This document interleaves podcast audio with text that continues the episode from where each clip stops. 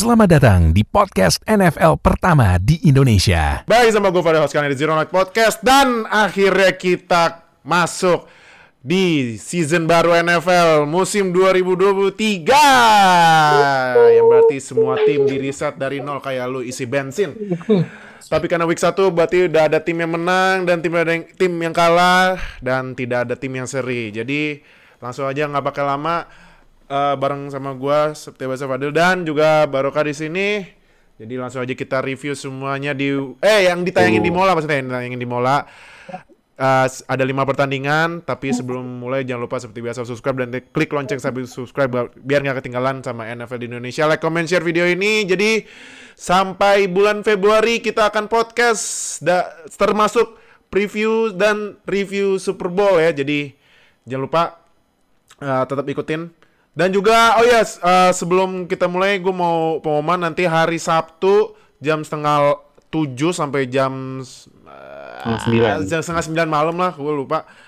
Nah, kita ada, bakal ada acara seperti biasa tahunan preview musim 2023 yang akan diadakan di At Amerika bareng gua dan lain-lain. Jadi langsung aja datang kita ngobrol seru-seruan NFL karena ya kita lihat aja kita tunggu gimana para script writer NFL menulis uh, buat musim ke 104 ini karena ya week 1 udah banyak kejutan termasuk yang ini di di, di kanan gua tuh Kamis pagi. Baru juga mulai udah langsung ini udah langsung tiba-tiba udah ada alert kan. surprise iya. ini ya. Iya, jadi ya udah langsung aja kita mulai tapi sebelum mulai jangan lupa seperti biasa subscribe dan klik lonceng sampai subscribe biar gak ketinggalan sama NFL Indonesia like, comment, share video ini. Jadi langsung aja kita mulai. Ini skor ya di match yang paling pertama di Monday eh Thursday Night Football.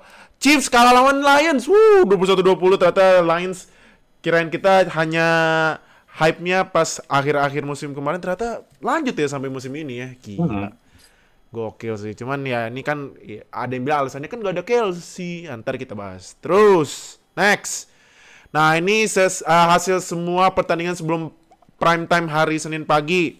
Browns menang Bengals anjir. Browns 24-3. Tapi ada faktanya ya. Ada faktanya dulu. Jadi, yes. Joe Burrow sebelum match kemarin itu lawan Browns cuma menang sekali. Jadi rekornya 1-5. Oh, Kemarin kalah okay. lagi jadi 1-6. Kenapa ini ya? Oh ini Burrow ini ternyata kryptonite-nya Browns ya. Uh, tidak Aneh nih 24-3 loh. Ravens lawan Texans menang. yeah. Ravens 25-9 dan ini akhirnya yang uh, udah ngikutin NFL lama pasti tahu skorigami karena ini skornya pertama kali dalam sejarah NFL. Terus Vikings lawan Buccaneers menang Buccaneers 2017. Ini musim pertama ditinggal oleh Pak D Kambing. Sekarang kibinya Mayfield dan menang ternyata ya. Terus Falcons lawan Panthers menang Falcons 24-10. Yang menurut gua nih kayaknya Falcons kayaknya bakalan jadi tim yang harus diperhatiin nih. Abisnya gue lihat mainnya lumayan rapi ya sekarang ya. Iya, uh, karena uh, Falcons juga habis uh, rombak pemain besar-besaran juga Betul. di offseason kemarin. Mereka uh -huh. sign beberapa free agents. Uh -huh. Terus juga mereka draft uh, Atlanta itu siapa ya? Aduh, lupa. JC Bates. Ya. Kemarin dapat datangin JC Bates, mayan. Terus draft iya. Bijan. Yeah. Oh iya, mereka draft uh, Bijan Robinson di first round yang sebelumnya hmm. sempat dipertanyakan juga kenapa Iya, kenapa terlalu cepat. Ah. Di top 10 dari NFL draft, tapi ternyata Betul. Bijan Robinson sendiri menjadi new spark in the offense dan kemarin Atlanta really really proved every doubters wrong. Iya, betul betul. Nah, terus uh, Commanders lawan Cardinals yang menang Commanders 20-16. Colts sama Jaguars menang Jaguars 31-21. Ah, fuck. Ini ntar dibahas lagi tim gue. Ah, elah gue. Ya, Steelers dibantai uh, 49ers ya Allah 37. Uh, bahkan Houston pun bisa nyekor lebih banyak loh. Iya, aduh. Terus Saints lawan Titans menang Saints 16-15. Raiders lawan Broncos menang Raiders 17-16. Eagles lawan Patriots menang Eagles 25-20 di saat Patriots kedatangan lagi ya Pak De Kambing buat uh, ini ya penghormatan terakhir ya kan. Terus juga tahun depan bakal masuk Patriots Hall of Fame biar tanggalnya bagus tuh di uh, 12 Juni 2024. 6 12 24 kalau versi Amerika ya. Terus Rams lawan Seahawks menang Rams 30-13. Wow. Walaupun Cup cedera. Nah, ini ada menurut gua uh, pertandingan lo harus nonton ya. Dolphins lawan Chargers menang Dolphins 36-34 ini gila sih matchnya naik to naik dan Tyreek Hill ya Tyreek Hill hari-hari ya man. bikin dua touchdown gila. Gila, men. Terus Packers lawan Bears. Ternyata Packers masih tetap menjadi ownernya Bears walaupun ditinggalin oleh owner aslinya ya ke New York tapi tetap menang 38-20 dan terakhir ternyata ah ah, tuh, belum nextnya aduh buset dah ini Em, Minggu pagi football, eh Senin pagi football berarti. aduh Oh, ini ya. eh, Senin pagi football buset dah gila Cowboys 40 happened, New York? 0 0 0 0 What gila happened, New York. gila Gila. Terus terakhir tadi pagi tadi pagi kan kita rekamannya hari Selasa ya. Tadi pagi Jets menang lawan Bills walaupun yang tadi gue bilang owner aslinya Bears pindah ke New York Jets tapi baru 4 play cedera. Cuman menang karena Josh Allen kembali membadut. Lawan pabrik memang Iya. kalau Jadi langsung aja kita mulai eh, match pertama. Nah, nih kita langsung aja. Kadarius Tony yang banyak bilang itu tersangka utama kenapa Chiefs kalah karena dia ah, berapa kali drop ya? Empat kali drop ya? Nggak salah ya? Eh, empat ya. Empat kali drop, salah satunya pick six, salah satunya lagi. Padahal kalau dia tangkap bisa first down dan mungkin Chiefs bisa menang, tapi dia drop. Nah, Ya. cuman gue nggak mau nanya Kadarius Tony, cuman ya, eh, mas, sorry, maksudnya karena ya Kadarius Tony ya udah hancur banget. Tapi yang mau gue tanya, eh, Travis Kelsey itu menurut lu nyawanya Mahomes apa enggak? Atau ya, ya, atau ya menurut lu ya kemarin nggak ada Kelsey sebenarnya bagus, cuman gak ada Tony aja gitu. Menurut gua, gua sempat komen juga di postingannya dari NFL Fans Indonesia bahwa Mahomes adalah produknya Kelsey. Ah, tuh, gimana tuh? Jadi weapon utamanya Mahomes sebenarnya bukan Tyreek, tapi Travis Kelsey. Travis Kelsey. Kenapa? Karena Ah. dibandingkan semua weapon dari yang Mahomes pernah punya, Travis Kelsey itu adalah weapon yang bisa dibilang paling istilahnya cheat code gitu. Cheat code dia.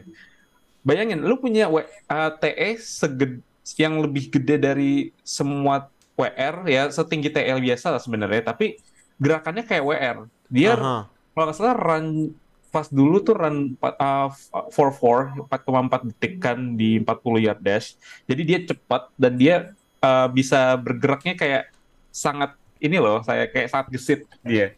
Nah, Mhm. ketika punya weapon yang sebesar itu dan seatletik itu, menurut gue emang itu weapon yang paling cocok buat Patrick Mahomes karena Patrick Mahomes punya arm power dan juga punya akurasi yang bisa nuju ke pemain yang tipe-tipenya gesit kayak Travis Kelsey dan Mhm. sebelumnya juga pernah terbukti dengan Tyreek Hill juga. Nah, di sini nih kelihatan banget tuh kayak mereka nggak punya W- eh, eh, WR atau TE yang dependable, yang tinggi, yang bisa mismatch di lawan linebacker ataupun lawan safety. Dan itu kesulitan Mahomes untuk nyari target yang dia cari. Hmm. Karena di sini masalahnya juga bukan karena bukan cuman ke dari Stoney doang yang dropnya bermasalah.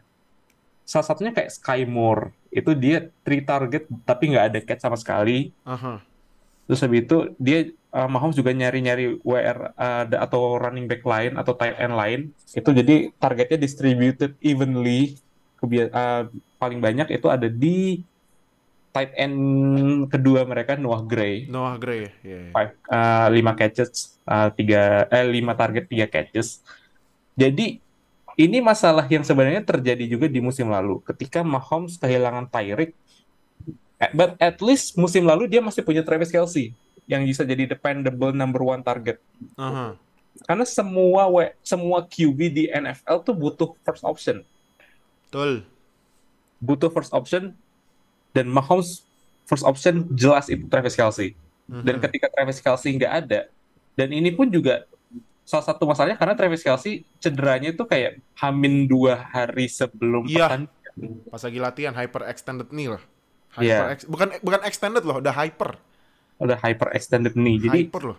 cederanya mungkin butuh uh, seminggu dua minggu untuk pulih, tapi kehilangan di, wak- di waktu yang sangat sempit itu emang berdampak fatal juga buat Chiefs kemarin. Hmm, oke oke. Jadi menurut gua emang kehilangan mungkin bisa dibilang Mahomes tetap QB terbaik di NFL, tapi Mhm. semua QB di NFL butuh dependable weapon, weapon yang bisa diandalin. Dan dia kehilangan Travis Kelce di situ. Ah. Oke.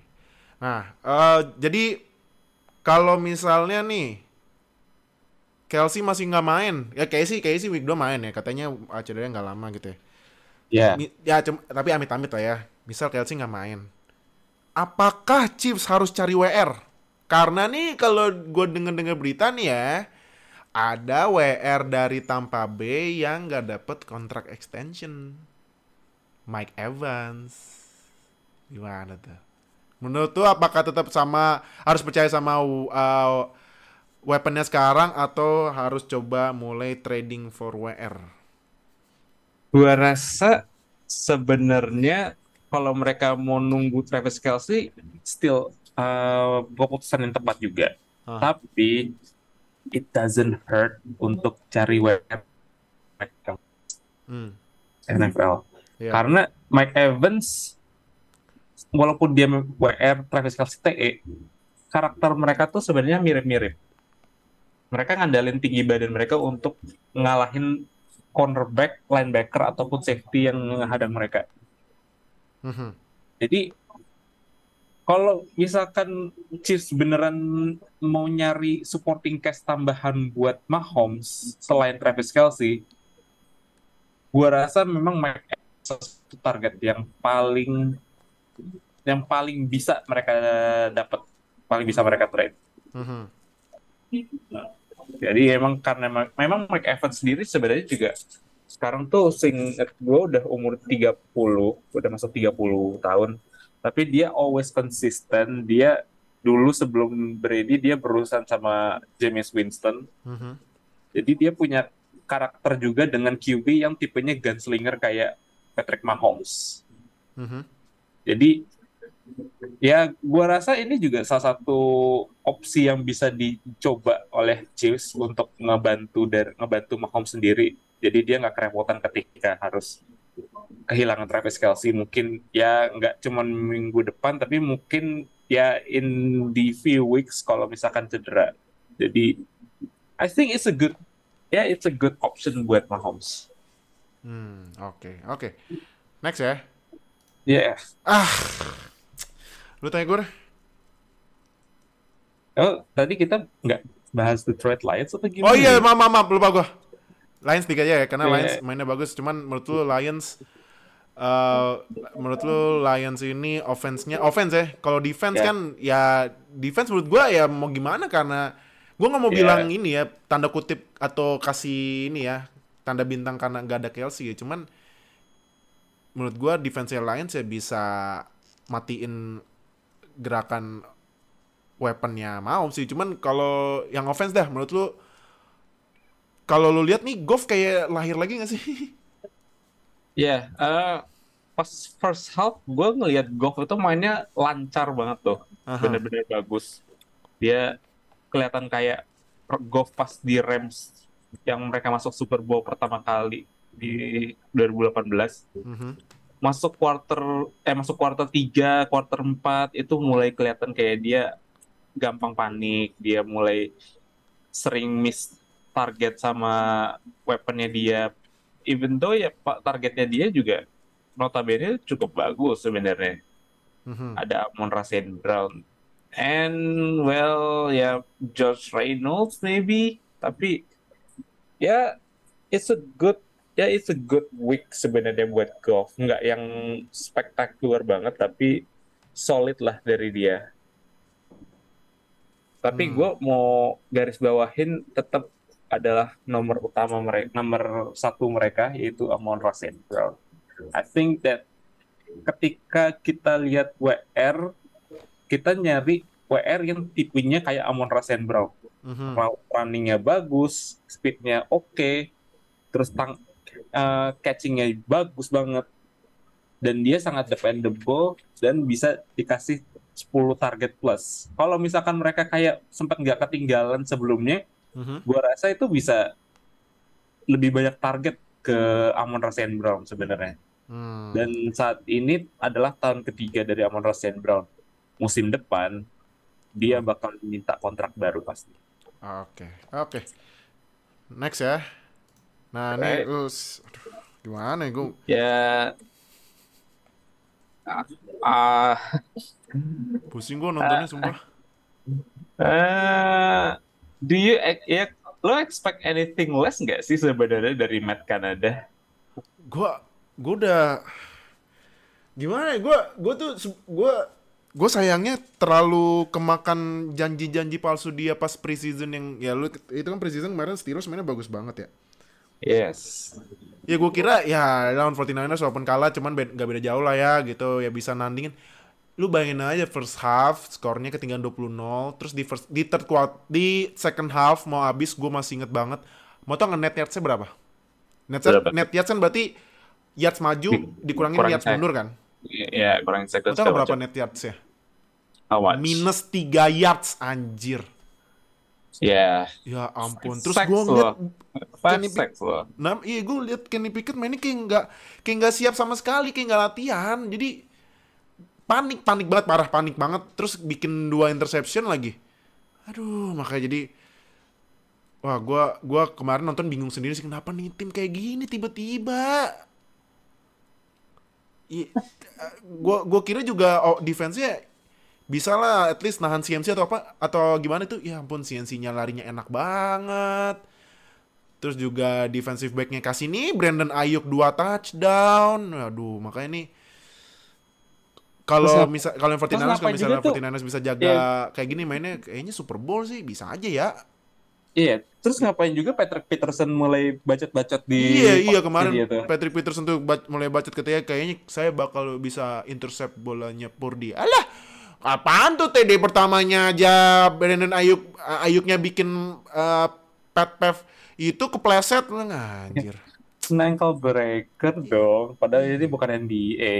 Iya, makanya. ankle breaker. Iya makanya jadi Duh next week nih lawan Browns Browns nih menurut gua sama Watson udah mulai lumayan nih kalau misalnya masih nggak bisa ngalahin Browns kelar dah nih dah musim ini nih.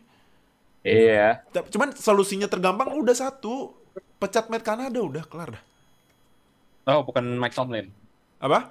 Bukan Mike Tomlin ya. Enggak Tomlin Tomlin masih Tomlin masih masih bisa. Abadi Tomlin ya. tuh kalau manage bagus cuman ya masalah staffnya ini yang kurang. Wah, sing gua. Udah, dah. Oh, iya. udah sih Ya. itu aja gua. Males Ya, gua bahasnya sumpah. Ya, kalau misalkan 49ers ya kita tahu lah hari-hari mereka timnya stack banget. Jadi Iya, 49ers. emang kacau sih. Iya, 49ers ya defense dari defensive back-nya. Defensive back, linebacker, DL. Apalagi ada Nick Bosa, ngeri kan? Ya udah stack. Offense-nya menurut gue juga stack sih. Menurut gua. Emang, ah, Iya, jadi tinggal tinggal tinggal jaga momentum aja di 49ers kalau misalnya bagus ya bisa jadi juara lagi di NFC West. Iya, Gitu. betul. Iya, udah lah langsung aja mas gue bahas next. Nah, ini baru bahas. Ah, Bengals lawan Browns yang menang Browns 24-3. Kena ya oke oke emang eh, dari apa sebelum match ini kan udah dibilang Burrow lawan Browns itu 1-5 tapi buat match ini penyakit OL-nya kayak keluar lagi ya. Iya, lumayan. Karena eh, nggak cuman Burrow-nya doang yang kena banyak pressure, tapi kemarin juga secondary Browns gua rasa kayak kes- kayak mereka perform ya performance terbaik mereka sejak musim lalu. Mm-hmm. Musim lalu tuh mereka kadang kadang up, kadang down. Tapi sekarang gue ngeliat kayak Burrow uh, eh, kayak nggak nggak ada pilihan gitu loh kayak buat uh, milih weaponnya dia. Kemarin soalnya Jamar Chase dan T Higgins du, notabene dua weapon terbaiknya dari mm-hmm.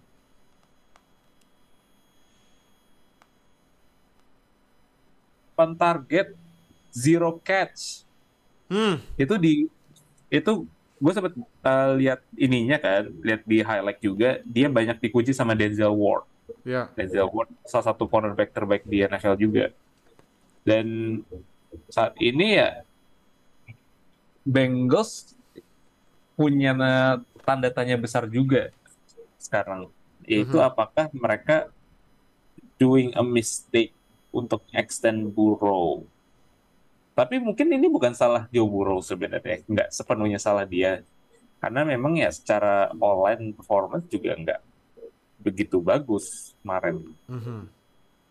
Soalnya juga Joe Mixon pun juga nggak bisa jalan banyak, nggak bisa bergerak banyak juga. Iya. Ya, maybe this is an one-off game dari Bengals. Tapi ya, oh, jangan sampai ini kejadian lagi ya, karena ini memang pertanda kalau misalkan divisi AFC North Mhm. ini benar-benar berbahaya banget sih, terutama kalau misalkan Cleveland sama Steelers udah mulai bangun lagi, apalagi juga Rav, apalagi Ravens yang sering berbahaya juga. Jadi ini divisi bakal keras dan mereka nggak boleh kehilangan satu game pun ngelawan tim-tim di divisi mereka. Oke, oke. Nah, buat Browns, ini menurut kalau lu lihat offense-nya sekarang sama Watson mantan QB lu udah mulai ini gak sih kayak udah Ya. nyambung gak sih? Eh, masih agak hit or miss sebenarnya karena walaupun dia skor satu passing touchdown satu rushing touchdown tapi dia overall not really that impressive. Mhm. kayak rushnya masih ada. Kemarin juga cuma 67 passer rating dari Sean Watson. Tapi lagi-lagi kalau Browns itu identitinya always di running game. Mhm. Nick Chubb is a monster. 106 yards. 21 receiving yards juga jadi ini tim yang memang identitinya selalu di ground game Mhm. Nick Chubb selalu jadi ya RB1 mereka istilahnya ya mungkin ada WR-WR kayak Mari Cooper ataupun Elijah Moore yang bisa jadi sporting cast tapi selalu Browns itu bagus ketika ground game-nya jalan, running Mhm. game-nya jalan. Tapi kemarin juga mereka dapat berita buruk kalau salah satu starting offensive line mereka Jack Conklin itu out Ah for iya, season ACL. Hmm, betul. ACL out for season dan Mhm. itu menurut, menurut gue juga salah satu kehilangan yang besar juga untuk Browns karena mereka kehilangan that hal separuh dari identity mereka yaitu ground game untuk bisa ngejalanin offense mereka.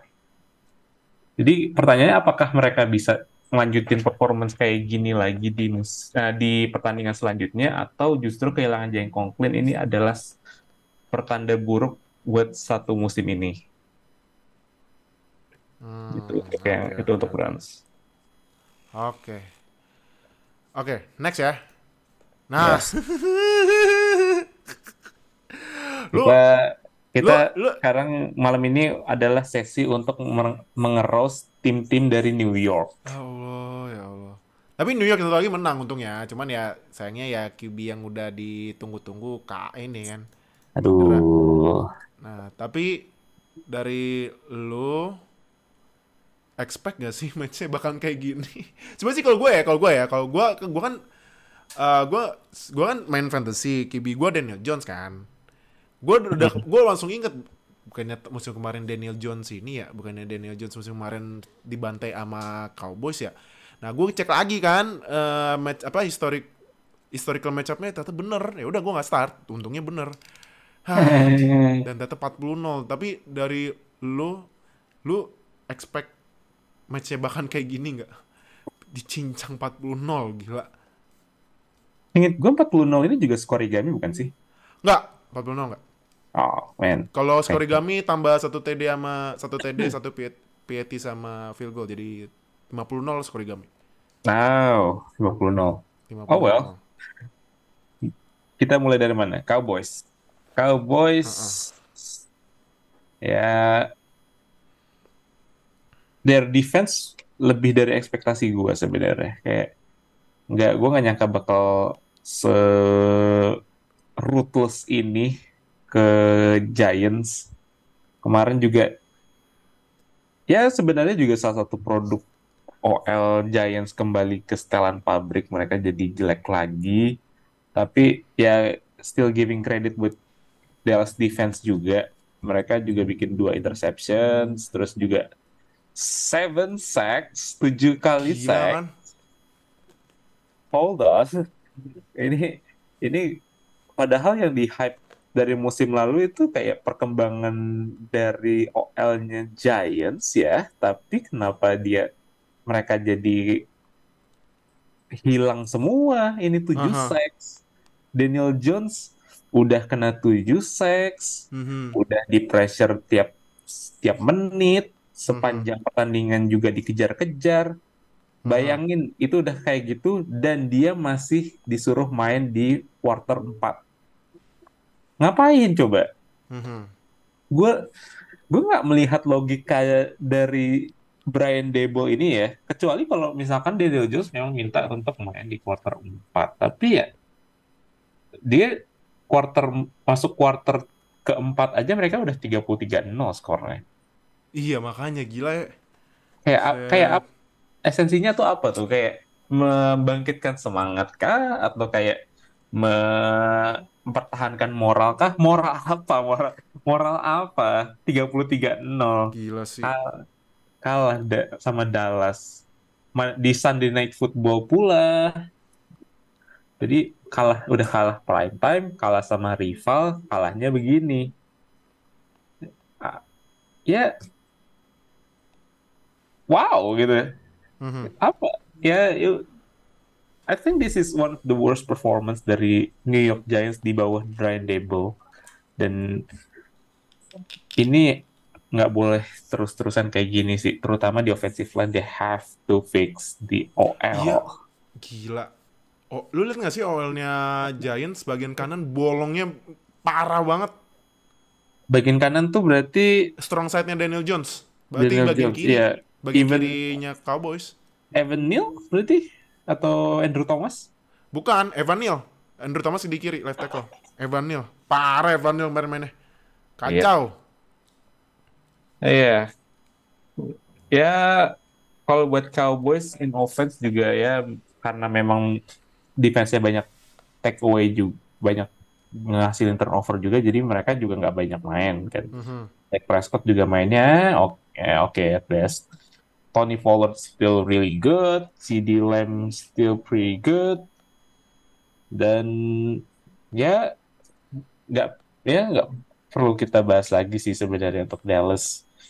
Jadi hype-nya ini mulai kerasa dari sekarang. Dallas Mhm. Cowboys, tim yang punya market value tergede, tim ya sports team dengan market value terbesar di dunia, paling Mhm. kaya. Dan mereka baru aja menang 40-0 lawan rival mereka di primetime football. Gila sih. Imagine the hype dari semua media di NFL yang bakal bilang kalau Dallas Cowboys is a contender buat Super Bowl. Nah, Dan we'll see, karena timnya memang bagus. iya. Cuman ya tergantung dari tiba-tiba apakah mereka ngaco lagi atau enggak aja. Hmm. Oke. Nah. Next ya, terakhir. Yes. Nah, ini yang sayang sekali ya Rodgers cedera baru 4 play.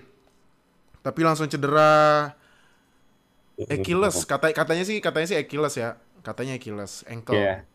Dan ya ini memang karena turf turfnya tuh aduh, kenapa ya nggak mau Ya gue paham ya owner owner pasti maunya ngirit ya, cuman buset ini pem- pemain udah pemain ininya udah dikorbanin banyak demi ini kan demi bagusin timnya cedera. Ini menurut gue harus jadi ini sih jadi tamparan keras sih buat owner buat ganti aja ke rumput biasa gitu. Iya kan? Iya, ini ini soalnya MetLife dipakai juga kan pas Sunday Night Football. Iya, langsung diganti loh. Sem- Wow, Gila kan? kemarin Cowboys juga, kemarin Cowboys ada injury yang parah nggak ya sebenarnya? Cowboys nggak ada. Kayaknya nggak ada ya. Baru injury lagi pas New York Jets make. Iya.